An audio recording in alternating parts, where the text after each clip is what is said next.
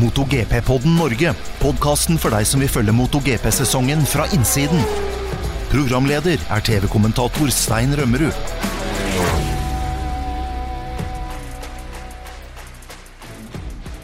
Godt nyttår! Velkommen til årets aller første episode av MotoGP på Norge. Det er 2024, det er eh, nytt racingår og nye muligheter. Og vi skal selvfølgelig som alltid diskutere det litt. Men vi skal også faktisk oppsummere ørlite grann mer på 2023. For det eh, er mer vi kan skvise ut av det året som har gått. Eh, jeg har med meg de to raskeste podkasterne i Norge. Dag Steinar Sundby og Thomas Sigvardsen. Godt nyttår, gutter! Godt nyttår. Godt nyttår. Var det ei bra jul? Var nissen snill? Ja, det var slett ikke så verst. Var ikke det. Var den raskeste gaven du fikk, Sundby? Nei, det, det, var ikke så mye fart og spenning over det. Så eh, nei, det Sokker husker og- jeg faktisk ikke. Sokker og slips? Det må være sokka, da. Ja, det er mye, det er mye sokker altså, for oss oss gutta i vår alder. Hvis det skal bli noen morsomme gaver, så må man faktisk kjøpe det sjøl. Ja, det har jo du gjort. Det har jeg. Skal vi komme tilbake til. Thomas, da? Var det noen raske, raske julegaver i år? Nei, det var dårlig. Det, um, jeg hadde besøk av nissen, um, og jeg visste, jeg visste ikke hvem det var som var nissen, så jeg fikk faktisk litt sånn der wow, det, det er en nisse. så det er første opplevelsen min sånn at jeg begynte nesten å tro litt på nissen. Men um, nei, det var dårlig med gaver, så det var ikke noe var ikke noe hit, akkurat det. Men det var hyggelig jul, og ja, det kan ikke klage. Det var første jul i nytt hus. Ja, men jeg var ikke her egentlig på julaften, da, så, Nei, skjønner. så Men uh, Nei da, skal ikke klage. Men uh, noen julegaver, det var det heller for dårlig med det. Det ble noen sokker her òg, ja. Du kom jo opp i en viss alder du òg, vet du. Desto eldre man blir, desto Ja. mer sokker tror folk man trenger. Det er jo ikke sånn. Nei, det er det ikke. Enorme mengder sokker. Men anyway, jeg har kjøpt julegave til meg sjøl. Jeg har kjøpt fem ting. For før jul så kjøpte jeg jo eh, crosstøvler og crosshjelm. Så det var på plass. Eh, Bestilte fra, fra Grårud eh, i eh, Sarpsborg. De har en veldig bra nettbutikk. Men i eh, julegave til meg sjøl så kjøpte jeg et fordekk. eh, 21 tommers Mitas med over 300 pigger. Og et bakdekk, 19 tommers Mitas med over 300 pigger. Og så kjøpte jeg meg et litt mindre fordrev eh, til eh, Stark Vargen. Og jeg kjøpte meg muffer til håndtaket, sånn til å stikke hendene inn i, sånn som gutta kjørte moped med i gamle, gamle, gamle dager. Sånn at det ikke fryser på hendene. Ja, men det er bra. Det er bra. Trengte du en mindre fordrevet for å få den opp på bakhjulet, eller så han blei litt sterkere? Eh, nei, det var ikke det, men det er, det er rein latskap. Fordi når jeg da la på de pigga, så er jo det det er mye høyere profil pga. piggdekket. da. Eh, så jeg måtte Mm. flytte eh, bakhjulet bakover i svingarmen. Eh. Men for å få kjedet langt nok, så måtte jeg da dreve ned litt foran. Så jeg fikk ei tann mindre foran. Da ble kjedet langt nok. Eh, Og nå er nå har jeg fått på plass batteri. Jeg fikk med meg broren min. så vi, Det er en tomannsjobb å bytte batteri på den eh, Starkbargen som jeg snakka om i forrige episode. Vi fikk det på plass. 30 kg med batteriklump og en kveld med skruing. Så var det faktisk helt uten overslag, støt og andre uønska episoder, så ble det da ble det fyr i skuta. Ja. Så ja, nei, vi forventer jo litt sånn nyttårsrakett fra Eidsvoll her litt tidlig, men uh, når dere skulle montere dette, men det gikk heldigvis bra. Du ser jo, ser jo grei ut. Håret står ikke rett opp heller. Tok ikke en eneste sikring. Kanskje hjertepumpa slo over en to-tre slag. Litt flimmer i romjula, men det er, jeg er litt usikker på om det er pga. valgren eller uh, julematen. Men uh, i hvert fall, nå har jeg prøvekjørt. Se- Du ser fryktelig nygredd ut da, Stein. Så det, det kan hende. Er det noe du ikke forteller her? Brukt den første uka på januar på å få ned sveisen igjen. Men uh, nå er nå er den prøvekjørt med piggdekk på isføre og minus 20, så det var jo ikke helt behagelig egentlig. Men fytte rakkeren for et trøkk det er i den der elektriske crosseren her. 80 hester og masse dreiemoment. Og det er jo fem forskjellige sånne mappinger, da, power modes. Når jeg satte den i mapping 5, som er 80 hester, kom, det kommer opp en sånn usaklig advarsel på dashbordet da, at det er um, warning. eh, her er det veldig veldig mye hester, mer hester enn det de fleste trenger. Vi anbefaler ikke å bruke den i level 5. Altså, jeg ble, er jo lettskremt, så jeg, når jeg hadde sett den, tenkte jeg her det må jo bare prøves. så, så jeg fyra på i eh, mapping 5 uh, utafor her. Det var bra trøkk, altså. Ja, det må det jo være. Det er en spennende sak. Rett på hjulet med kvart gass. Nok om det. Vi skal snakke MotoGP, det er mye morsommere. Men um, Hvor skal vi begynne, hen, gutter? For det er jo, Nå har det nettopp vært nyttårsaften, og på nyttårsaften da skal man jo sette seg rolig ned i godstolen og reflektere over året som har gått. Skal vi ta et ørlite tilbakeblikk på 2023, selv om vi, vi, har vært innom det i de to foregående episodene også? Ja, vi kan jo ta en, eh, en kjapp runde på det. Litt sånn fun facts. Eh, jeg har vært inne og bladd litt i bøkene og regna og skrevet og, og sett litt på det. En ting som slo meg når jeg ser tilbake på resultatlistene for i fjor, det ble faktisk Prosecco på nesten alle førerne. fordi i 2023 så var det 15 førere. Det betyr nesten 70% av de faste førerne. De endte på pallen i um, et av løpa. Og det tangerer rekorden siden MotoGP kom i 2002. Så 15 førere på pallen. Det er ganske rått. Og alle merkene var på pallen i løpet av 2023. Og tre av dem vant uh, GP-løp. KTM vant ikke noe GP-løp, men de vant jo to tiss- og sprintløp. Men ellers så var det jo faktisk det uavhengige Prima Pramac Racing-teamet som vant MotoGP-teammesterskapet. Og det er første gang noensinne at et uavhengig team har uh, vunnet mesterskap. Så det er ganske kult. Mm. Ja, Man forventer jo at det er factory-team som skulle ta det, men uh, ja, Bastianini var jo ute såpass mye med skade, så det ble jo uh, mindre poeng på factory-teamet. Og Apropos det, da, uavhengige førere og uavhengige team. Det ble faktisk ti seire for uavhengige team i 2023. Martin tok fire, Betseke tok tre. Og så ble det én hver på Rins, Sarco og Fabio di Gian Antonio. Det er ganske kult. Så Før denne sesongen så var det faktisk bare to løp i historien der det var bare uavhengige førere på pallen. Det var Qatar i 2004 og Portugal i 2020. Men i år så skjedde det to ganger på én sesong. Det har aldri skjedd før. Argentina, da var det Betzecchi som vant foran Sarco og Alex Marquez. Og i Frankrike med Betzecchi øverst foran Martino Sarco. Det er to ganger det har skjedd uh, i år også, med bare privatførere. Så det er litt kult. Det har jevna seg ut veldig. Ja, veldig. Altså det, med, det har sett at den jobben Dorn har gjort, altså det, det har fungert uh, med regelverket og, og, sånt. Og det er så mange sterke team at det fra alle satellittteam kan, kan vinne løp. Da. Det er jo uh, fantastisk. Det var Ducati som var dominerende i år, da. De satte rekord. Det var uh, uh, seieren for Bagnaya i Val Valencia. Det var den 17. seieren for Ducati i 2023. Det er ny rekord for flest seire for ett merke i løpet av én sesong. Og med Bagnaya og Sarko på pallen også, så var det da uh, Ducati har da vært på pallen med minst én fører. 46 VM-runder på rad. Det er ganske rått. Ja, ellers da, nå så det nøkkeltall for året. Det var også ny publikumsrekord i år. Det var nesten tre millioner mennesker som deltok på MotoGP-arrangementer gjennom året.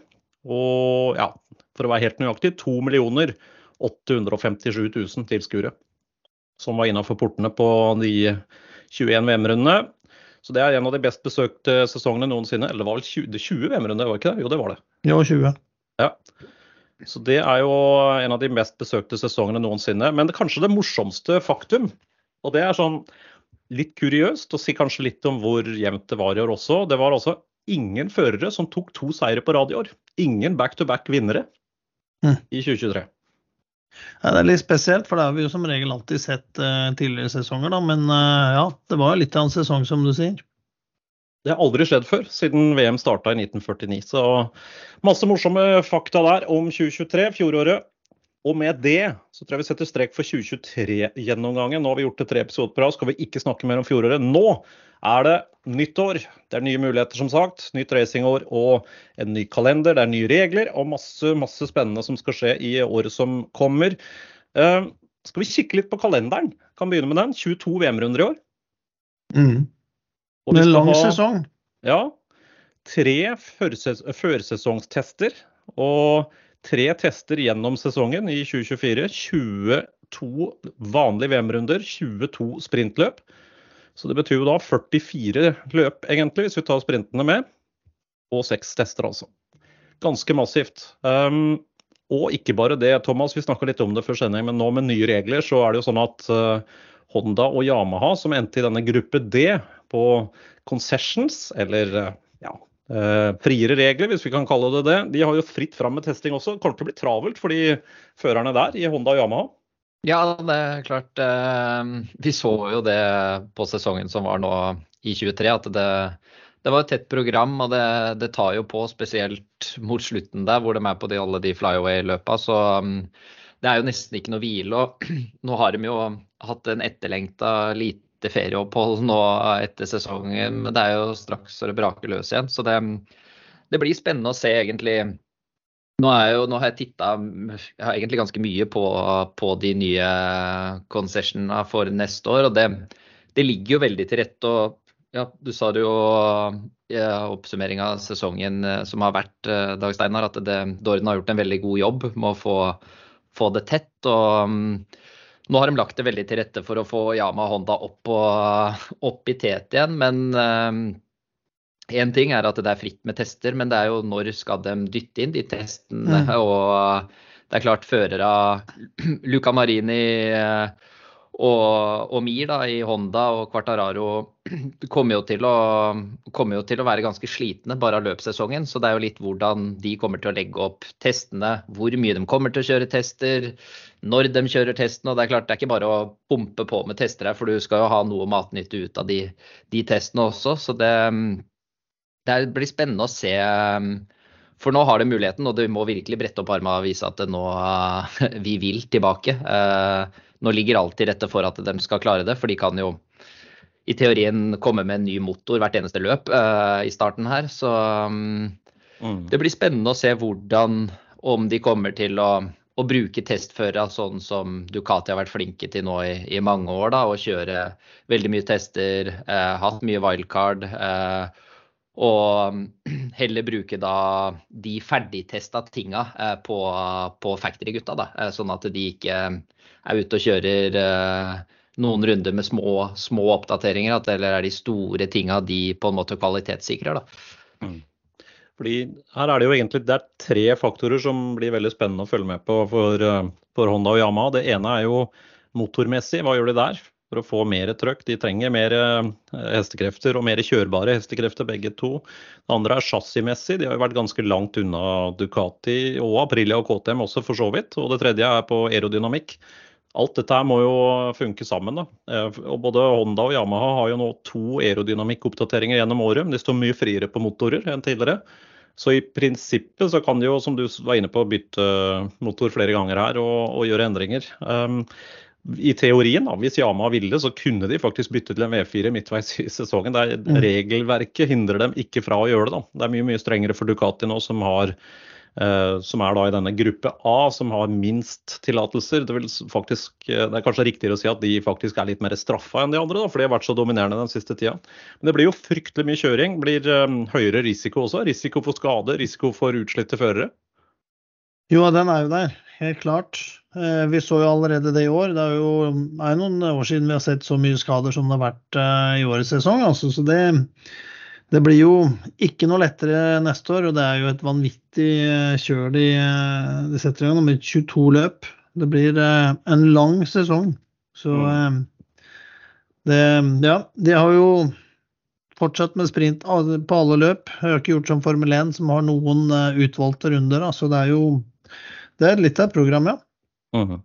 Det er det, altså. Ja, intensiteten i i sesongen har jo blitt helt ekstrem. Altså det er, mm. det, er, eh, det smeller eh, med en gang det åpner, og så, så, går det bare slag i slag til de er ferdig. Så det er, eh, det er klart det er lite overskudd på disse gutta nå mandag etter løp. Og, og, da å sette seg på en, på en sykkel og skal kjøre gjennom et testprogram, det, de skal være veldig flinke til å legge opp det testprogrammet for at de skal være motivert og faktisk få noe ut av det. da, I hvert fall på factory-gutta. og så så får man jo se hvor flinke de er til å bruke testførere. da.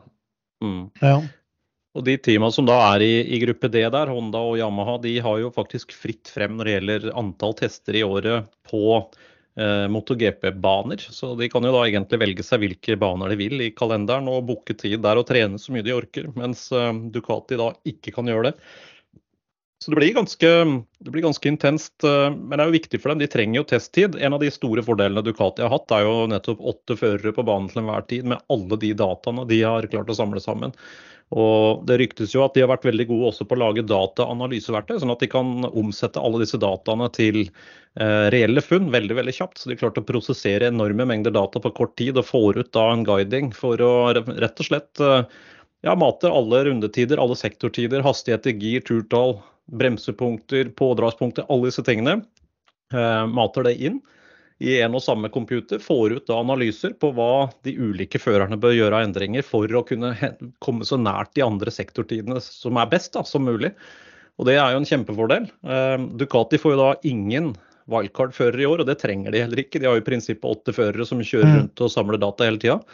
Mens det er mye mye friere da for, eh, for Yamaha og Honda. Ja, Så gjelder det igjen også da selvfølgelig da med at de får mer testing, men også at testføret er, er der oppe. da. Carl Crutchlow for Yamaha er jo, er jo, bra, men det er også det hva tempomessig han har, og hva, hvor mye han bidrar med. At de får komme i, i rett retning. da.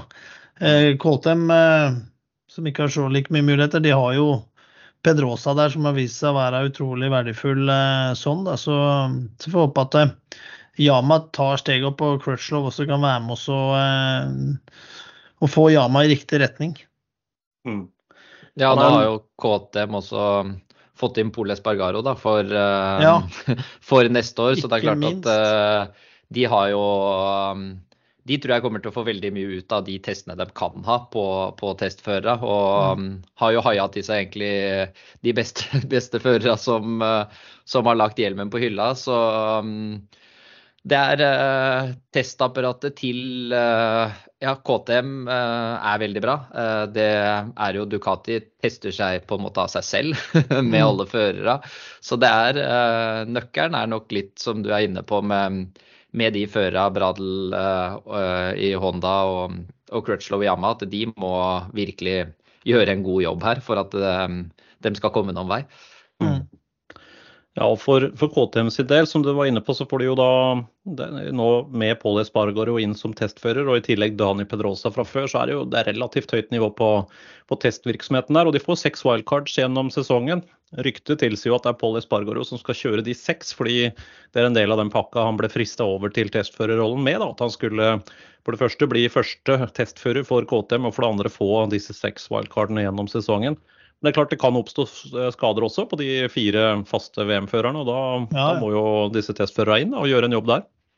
Det, det må de jo. Så, ehm, så det, det, er jo bra tilskudd, særlig som du sier KTM har. Og som Mika Kallio gjør vel også noe fremdeles, vel? Kjører ikke han litt mm. mer sånn eh, mm. deletesting og stresstester, liksom? På, på deler og utstyr? Han har fortsatt vært aktiv, han. Og det, mm. det, er vel litt det Pedrosa kanskje kommer til å gli litt over til å gjøre, da. For han har jo ikke vært sånn Han har jo ikke vært den som har hoppa høyest for å ta wildcard heller i, i GP. Altså Det er alltid moro å kjøre på, på Jerez for han, eh, men ja. um, han har jo ikke vært den som har ytra ønske om å kjøre flest løp. Så det å få inn Espargaro der vil jo på en måte komplettere det testteamet veldig bra. da. Um, så så vi får se hvor lenge de er eh, ranka som gruppe C. ja, ja, ja, For det, der kan det De kan få gjort veldig mye ut bare um, av de dagene på Sepang, eh, egentlig. Ja. Og Pedrosa gjorde jo en kjempejobb på de to innhoppene han hadde i fjor. Kjørte jo i Spania, på Jerez, og gjorde også et, innhopp på Misano med den karbonramma, og det, det, gikk fort. Han er jo utrolig rask, selv om han har, har lagt eh, løpshjelmen på hylla. Ja. Så blir det jo spennende da med sånn som Trackhouse-teamet også. i Aprilia-teamet. Og de får jo en 2024-modell også, som Oliveira skal ha. Mm. Det er spennende å se hvilken vei det går. Jeg vet det er masse, eller mye av det samme personellet er jo med, da, men det er jo en helt ny struktur igjen. Og da USA-basert. Og de skulle vel altså ha en, en eh, visning her og presentere teamet, var det 26. Så det blir jo litt spennende å se hva det, ja. hva det blir også. De beholder jo Wilko Selenberg eh, i teamet, det tror jeg er veldig mm. bra. Ja. Og i tillegg Malle til det, de, er vel der òg? Ja, det er jeg usikker på. Jeg sendte han en mail og lurte på hvordan det, hvordan det, går om han er med videre, men det har jeg ikke fått svar på, faktisk. Skal jeg følge opp. Ja. Uh, men de, de, har beholdt en god del av um, uh, crew chiefs og andre ting der uh, i teamet. Det tror jeg er bra.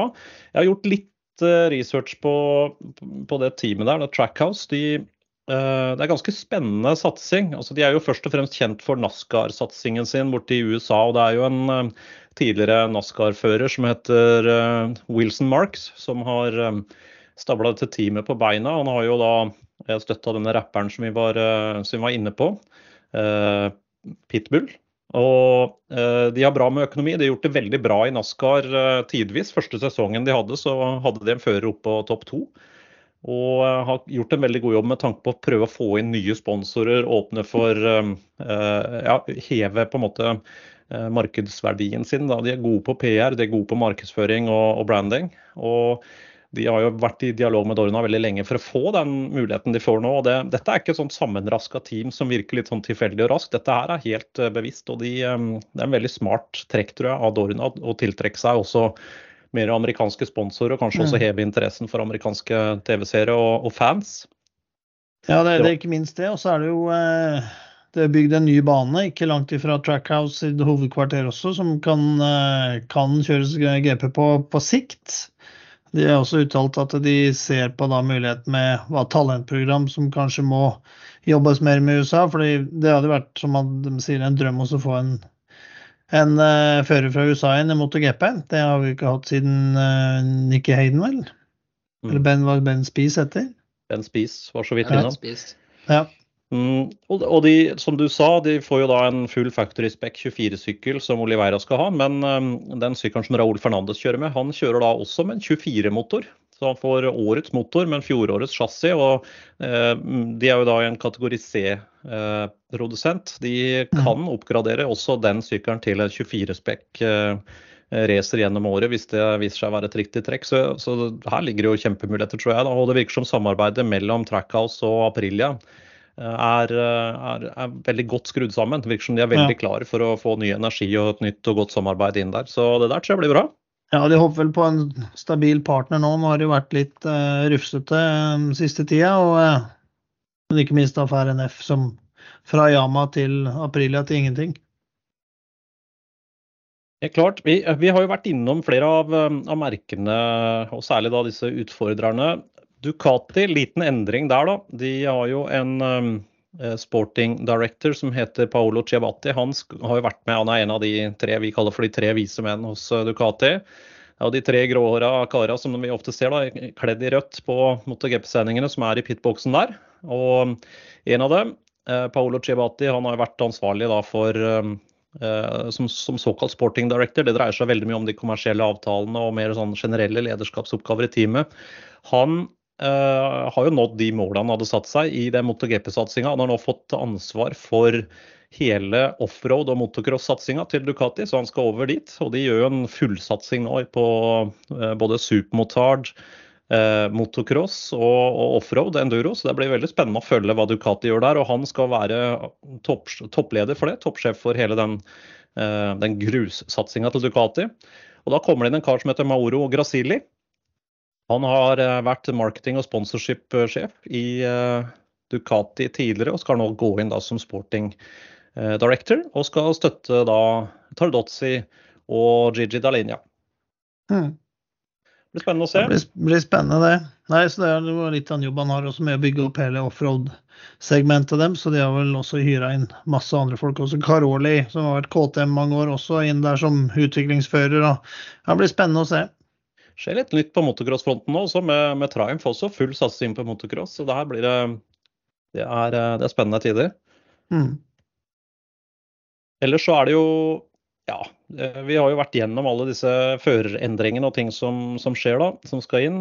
Uh, størst spenning akkurat nå, hvis vi ser på bookmakerne og hvordan oddsen ser ut, så er det jo veldig mange som har klokketro på at Mark Marquez kommer til å gjøre det veldig bra for Ducati da, i Gresini-teamet. Han er jo inne på en ettårskontrakt, skal kjøre sammen med broren der. Og forventningene er skrudd i taket. Gleder meg til de første testene nå. Første shakedown-testen er jo om bare noen få uker. Det er 1. til 3. februar i um, Malaysia på Sepang International Circuit. Da får vi um, den første indikasjonen, og så er det en test til i Sepang. Det er 6. til 8. februar, og så er det Qatar 19. til 20. Eh, februar. Det er den siste testen før det hele braker løs da, andre helga i mars. 8. Mm. til 10. mars, da er det Qatar. Og så går det slag i slag eh, utover. Eh, hvor mye nytt tror dere vi får se da i, i Sepang? Det er jo bare tre-fire uker dit. Jeg veit ikke, men jeg tror Ducati der blir det mer som fintuning. Og så har helt sikkert eh, Dalinja et eller annet sånn trick parts som, eh, som alle andre kommer til å lure på og gjerne vil kopiere enten om det virker eller ikke. Det, det tror jeg liksom der. Og så kommer vel eh, ja, vi så størst forandringer på Honda egentlig, på den testen som var på Valencia. Det som er spennende å se, er om Yama har tatt et steg til. For vi var vel litt skuffa på uh, da Valencia-testen. Det så veldig likt ut, liksom. Og uh, ja, så er det det om du får noe mer trøkk ut av den rekkefireren, da. I, uh, i forhold til de andre. Mm. Vi håper den der seteramma til Yama er, er, gjort om litt nå over, over nyttår. Ja, du er litt lei er, den nå? Ja, jeg, jeg, jeg, har veldig store forhåpninger til um, Jeg håper at, at de, de, har gått bort ifra den, den hekken der. Nei, men Yama bør jo Der er jo det vi bør se størst endringer, egentlig, nå på Sepang. Ja. Mm. De bør komme med noe jeg håper de liksom fikk samla mye data på, um, på, Valencia, og at de, um, de, liksom ikke hadde turt å slippe det konseptet de tenker ut helt enda, men at det kommer um, noe veldig nytt. Sånn som vi fikk se Hondaen, altså drastiske endringer, da. Det var, ja. Og det, det, bør være på plass nå. Hvis ikke så, så er vel det litt sånn at Yama har resignert litt, føler jeg. Så mm. Men det blir jo spennende, da. Det er jo, det er jo kul tid vi går inn i. Nå begynner jo teamet og skal uh, lansere litt grann, uh, brandinger og ting og tang framover. Og um, vi har jo fått noen uttalelser fra både Marini Marquez har jo fått lov til å prate litt nå. Uh, mm. Hvordan første møte med Ducati var. Så um, jeg tok ja, meg nesten litt i det, i det, på nyttårsaften, for det var med en gang raketta gikk opp, så satt jeg og sveipa telefonen og så om det var noen noe uttalelser fra noen av de som akkurat var ute av kontrakt. Nei, han har jo vært veldig positiv. Ehm, de hadde vel egentlig bare jobba med at han skulle, skulle bli vant med, kjent med sykkelen, sitteposisjon. Eh, kjørte på, på, samme setting som sykkelen ble kjørt med på løpet. Og mm. Han er jo veldig forsiktig når han prater, og trekker jo ikke noe, um, noe paralleller mellom Honda og Ducati. Um, og det er jo det er fair, det, eh, at man ikke tar det offentlig. Men um, han var veldig positiv til sykkelen, at den var veldig enkel å kjøre. Og at rundetidene kom eh, mye lettere enn han hadde sett for seg før. Og han var nok eh, Det var nok mye nerver hos han nå når han først skulle ut der. For det er klart, sette seg på den sykkelen som, som var den beste, da, da, er jo forventningene deretter. Og du, du er Marquez. Så, men jeg tror jeg har sett noen eh, intervjuer på Han har gjort noe til spansk TV, og han ser veldig veldig fornøyd ut, eh, veldig glad. Og um, dem eh, var nok eh, ja, veldig fornøyd med den testen de gjorde. At det, ting gikk så, så fint til sammen. Og Marini òg var jo veldig positiv med Hondaen og mener jo at det er veldig mye på gang, og at det kommer til å skje store skritt på veldig kort tid. Så um, det virker ut som energien inne hos Honda er, er god. da, at de, de virkelig eh, bretter opp armene nå for å få til en vinnersykkel igjen. Mm. Når du ser Hondaen nå, hva, hva, mener du er de største nyhetene og endringene der? Det er egentlig hele Det, det ser ut som de har trilla den andre sykkelen ut av rommet og så begynt å tegne noe nytt. Eh, med selvfølgelig veldig mye inspirasjon fra Ducati.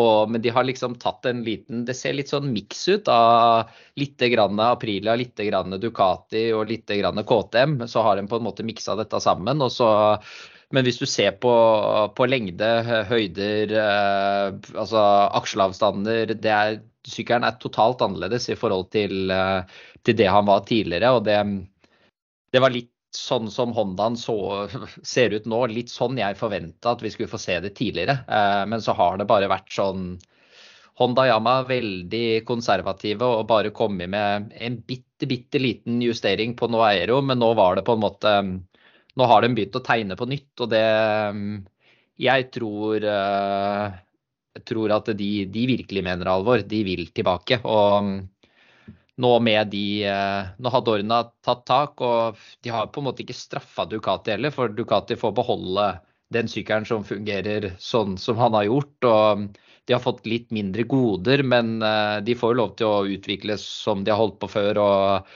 og vil jo egentlig ikke bli noe Har ikke noe handikap sånn mot, uh, mot, de andre. Men nå har Honda en mulighet til å, til å virkelig komme seg tilbake. Og det, det, er jo ingenting som er bedre for sporten enn om vi, vi får både Honda og Yama opp i miksen der. Så det, mm. det ikke er uh, bare Ducati uh, som, som, er på topp der. det tror jeg hadde vært veldig bra. Så um, så jeg, jeg, er egentlig veldig syns Dorna har gjort en veldig god jobb jeg, nå de siste åra med, med, egentlig regelverk og, og hvordan de, eh, de, har fått gjennomført nå en sesong med sprintløp. Altså det, det, er så mye som har skjedd på, på veldig kort tid som er veldig positivt. da. Mm.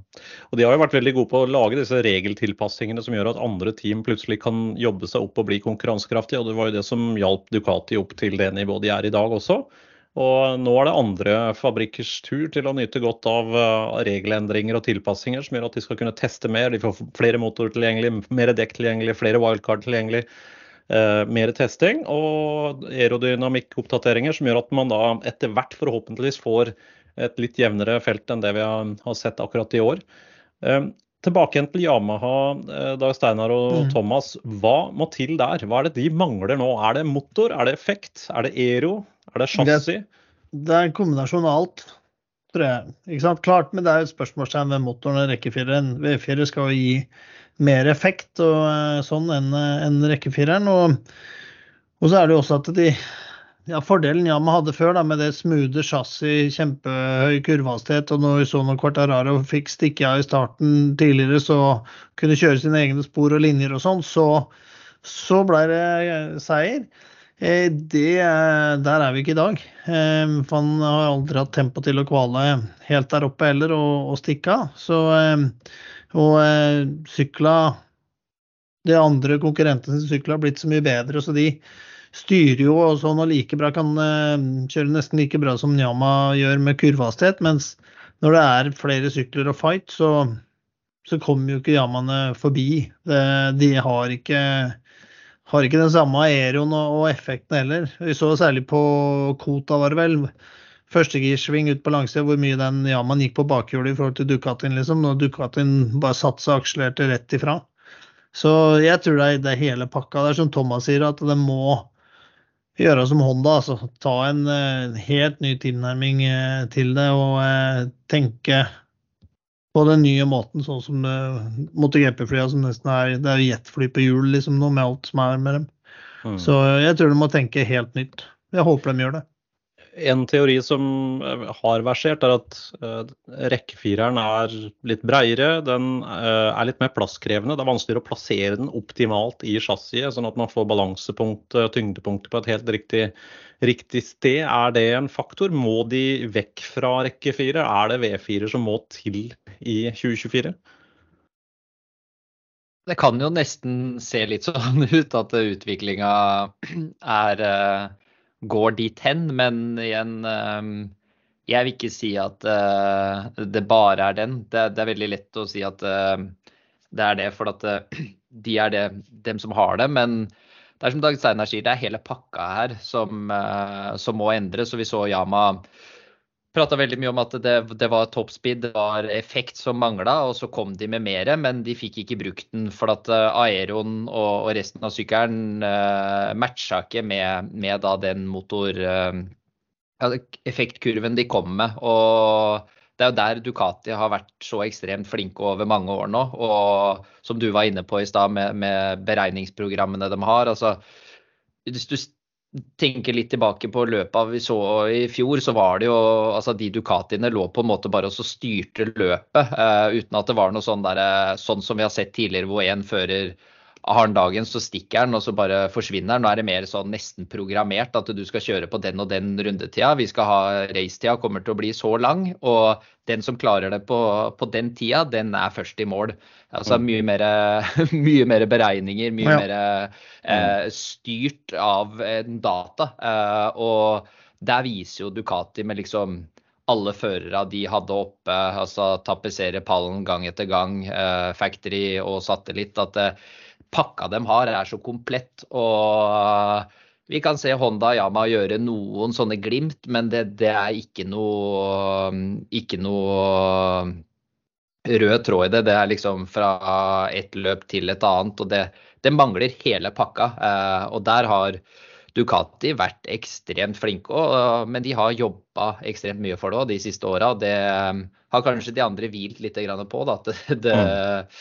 det har funka sånn som det har vært. Ja, man har alltid vært uh, god på kurvehastighet, men nå når dekk og alt endres, så det er ikke veien å kjøre fort på motorsykkel lenger. Så det, det, må på en måte bare nulles og startes på nytt.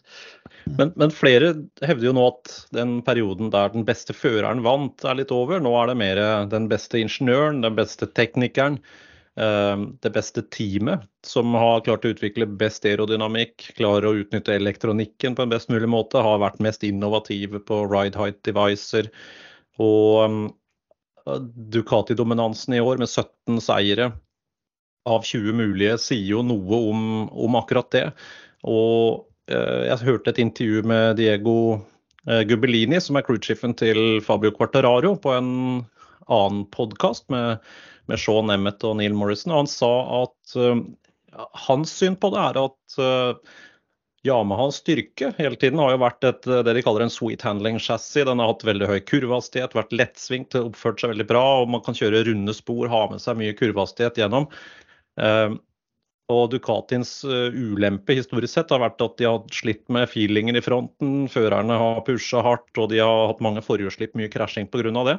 Men han mener at aerodynamikken, downforcen, altså alt dette som har skjedd nå, eh, på en måte kamuflerer de underliggende problemene til Ducati. Sånn at de har klart å bygge seg rundt problemene ved hjelp av aerodynamikk og nye løsninger, i stedet for å løse det egentlige problemet.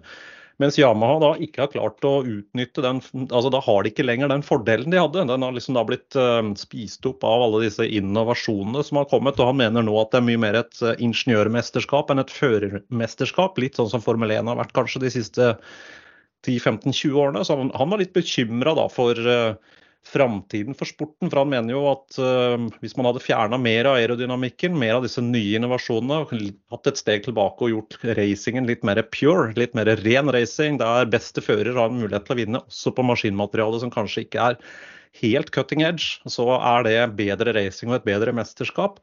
Ganske radikale tanker, men det kanskje ligger noe der, uh, Thomas? Ja, det, altså det, det, er jo teknologien og at det hele tida utvikler seg. Da.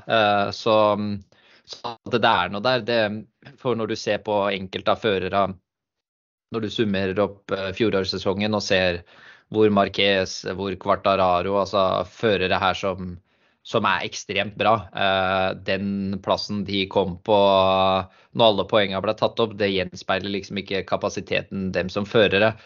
Så at de sitter på en pakke som er dårligere, det Men så skal jeg liksom ikke ta ifra Bagnaya og Jorge Martin at det er gode racerførere, for all del, men, men, at det har blitt mye mer Det er ikke sånn nå som det var før, at, at en crewchief var mer Prøvde bare å få Altså at det kunne være en halv på preloaden foran og så noe bak, og så ut og kjøre, og så fikk føreren godfølelsen. og så bikka det fra det ene til det andre. Det, nå er det nok mer hele pakka med at det skal stemme med strategier, eh, elektronikk og, og alt av Aeron. Så det, noe er det nok der. Men, eh, men det igjen er jo Vi vil jo at det skal gå fortere hele tida. Og for at det skal gå fortere, så må det skje tekniske nye ting. Og så er det her eh, resultatet av det. Så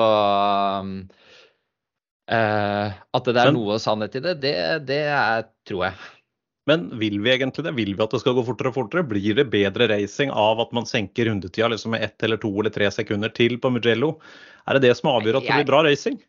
Jeg vil alltid at det skal gå fortere, men jeg syns jo det Jeg koser meg jo hvis det er et løp hvor en vinner med 20 sekunder, for jeg bare beundrer at han kjører så fort på, i forhold til de andre. Så, så jeg er jo Men hvis du hører folk flest, så ønsker de tettere racing, at det skal gå fortere, det skal være forskjellige vinnere. altså det det, det, er sånn man liker det. Jeg, jeg syns jo det beste var når Jorge Lorenzo føyk av gårde og bare moste de andre. Det, det er beste racinga jeg eh, kan se, men, eh, men eh, vi vil jo alltid at det skal skje litt, ja, og bli at det går fortere. Det, vi syns jo ikke det er en ulempe, gjør vi det? Nei, nei vi, vi vil jo at utviklinga skal gå, kan du si sånn, da. Ehm, eh, men innimellom så er det også, som vi har sett, så har de gjort en liten si, resetting av reglementet for å få hastigheten litt ned. Men så ser vi etter noen år så går det jo like fort igjen. For da har jo utviklinga vært der, og det har jobba mer og funnet løsninger rundt det nye reglementet. Og i forhold til sånn eh, teknisk sett utvikling og sånn og dominanse fra et merke, det har vi også sett før. Når vi begynte med firetaktere da når vi kjørte 990, og den Hondaen som kom da, det var et sånt teknisk underverk som eh, bare parkerte alt og alle på den tida. Så eh, helt til da Rossi hoppa over på Yama og eh, kunne fighte igjen mot de førerne som var på hånda da. Så vi, det går jo litt også i epoker. og ja, Vi vil jo ha den tekniske utviklinga, men klart det begynner å bli virkelig ekstremt. da. Mm. Og så er det jo alltid enkelt når du jobber med den sykkelen som ikke fungerer, og peke på at uh, ja. det er et eller annet som gjør at den beste sykkelen uh, fungerer, selv om vi egentlig har en bedre motorsykkel. Det er bare at uh, de her tingene gjør at vi ikke er best lenger. Så, mm. Sånn snakka sikkert Ducati om, om Honda og Yamaha før når det fungerte, så det vil jo alltid være. Men at de tinga som, vi, som, skjer rundt sykla og alt det at det, det spiller inn mer nå, det, det, er ikke noe å lure på. Eh, men, eh, men igjen, det er som Dag Steinar sier, dette har blitt tøyd hele tida. Og så er det plutselig noen andre som finner ut av det, og så jevner det seg kanskje ut da, når du tar og ser tidsepoker for tidsepoker. Mm. Ja, og for, for, produsentene så er det jo selvfølgelig et viktig poeng at den teknologien de utvikler i racing er, har overføringsverdi til gatemotorsykler. Man bruker jo enorme ressurser på å utvikle elektronikk, utvikle dekk, støtdempere, chassis, aerodynamikk, ride height, alle disse tingene. Hvis det er ting her man kan ta med seg over og gjøre også produktene som selges til oss vanlige dødelige bedre, så er jo det selvfølgelig en fordel. Men og det er jo ikke så mye av den nye eh, teknologien her som kan direkte overføres. Vi begynner jo å se litt eh, Aero-løsninger på gatesykler også. BMW sportssykler f.eks. har jo begynt å ha det. Vi ser det på mm. enkelte andre sykler også. Kanskje litt design-gimmick. Det er vel de færreste som trenger det på gata, men det ser jo rått ut. Men akkurat det her med ride height device, det har vi jo Der syns jeg det har begynt å komme litt spennende ting på, på gata også. Den nye BMW GS-en f.eks., som har da en sånn nedsenkningsfunksjon som gjør at førere med korte bein kan da de senker sykkelen i lav hastighet, sånn at de faktisk får eh, tåspissene nedi, og så hever den seg automatisk litt opp i fart. Ehm, og der er det lenkearmer og teknologi som kan minne litt om det man ser på, på Ride Out Device på, på MotoGP-sykler. Mm. Ja, det er litt småtteri som kommer. Det, det er jo det. Så, eh, men det er jo sånn Vingeletsen og sånn på gatesykla, det, ja, det er jo det er jo en sammenligningseffekt i forhold til GP-sykler og det som er. Og ser noen også, ja, sånn som BMW og Ducati bruker også i superbike og da på, på gatesykler. Så det Ja. Det, det kommer jo, det ser tøft ut. det ligger jo et, et marked der. Jeg vet jo Den første store sykkelen din Sundby, var jo en firesylindra 500 totakt. Det var vel en grunn til at det var akkurat det du kjørte på gata? Det var jo det, vet du. Det hadde jo litt med, med GP 500 å gjøre, det. så det var en, annen, var en annen som kjørte Honda totakt da, husker jeg. det var det. Rottmanns V3 totakt. ja. Hva er grunnen til at du har Rottmannsfarge på nå? Det var det, altså. det er helt riktig. Det var flaks det gikk bra. Vi har vært gjennom mye bra nå. Det nærmer seg som sagt første test allerede. Det er jo en kort vinter. da. Det banker løs 1. til 3. februar som sagt i Sepang. Vi tar opp denne podkasten på den 8. januar, så det er egentlig bare tre uker til vi begynner å se de første 2024-testene nå da, i dette kalenderåret. Eh, vi skal eh, runde av. Det kommer flere episoder utover vinteren. Vi har mange temaer vi skal eh, innom.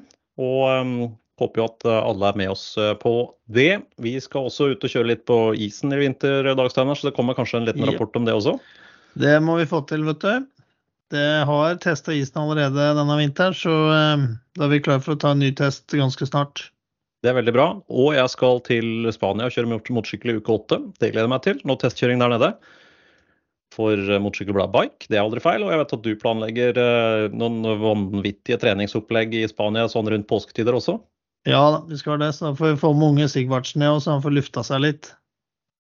Jeg trenger litt trening nå. Det, Jeg ser ikke ut som en eh, Eller nå ser, nå ser jeg ut som en, en eldre racerfører. Godt lagt opp. ja, det er litt igjen når du ser på de to du har med deg på den podkasten her, så slapp helt av du, unge mann. Jeg, jeg, jeg, var stille jeg nå. Tenkte når Sundby har testa isen, da er det trygt. Takk for den. Ja, ja. ja, det er riktig, det. Send det tyngste utpå først. Det er som De sier jo det, at hvis det er risiko for bjørn i skogen, da gjelder det å ha med deg noen som løper saktere enn deg sjøl. ja. Dagens visdomsord fra Stein Rømmerud. da lar vi det være siste ord for i dag. Og uh, håper at dere er med oss også i neste episode. Dette var MotoGP-podden Norge. Vi høres uh, og ses om du vil om litt. Du har hørt MotoGP-podden Norge med programleder Stein Rømmerud.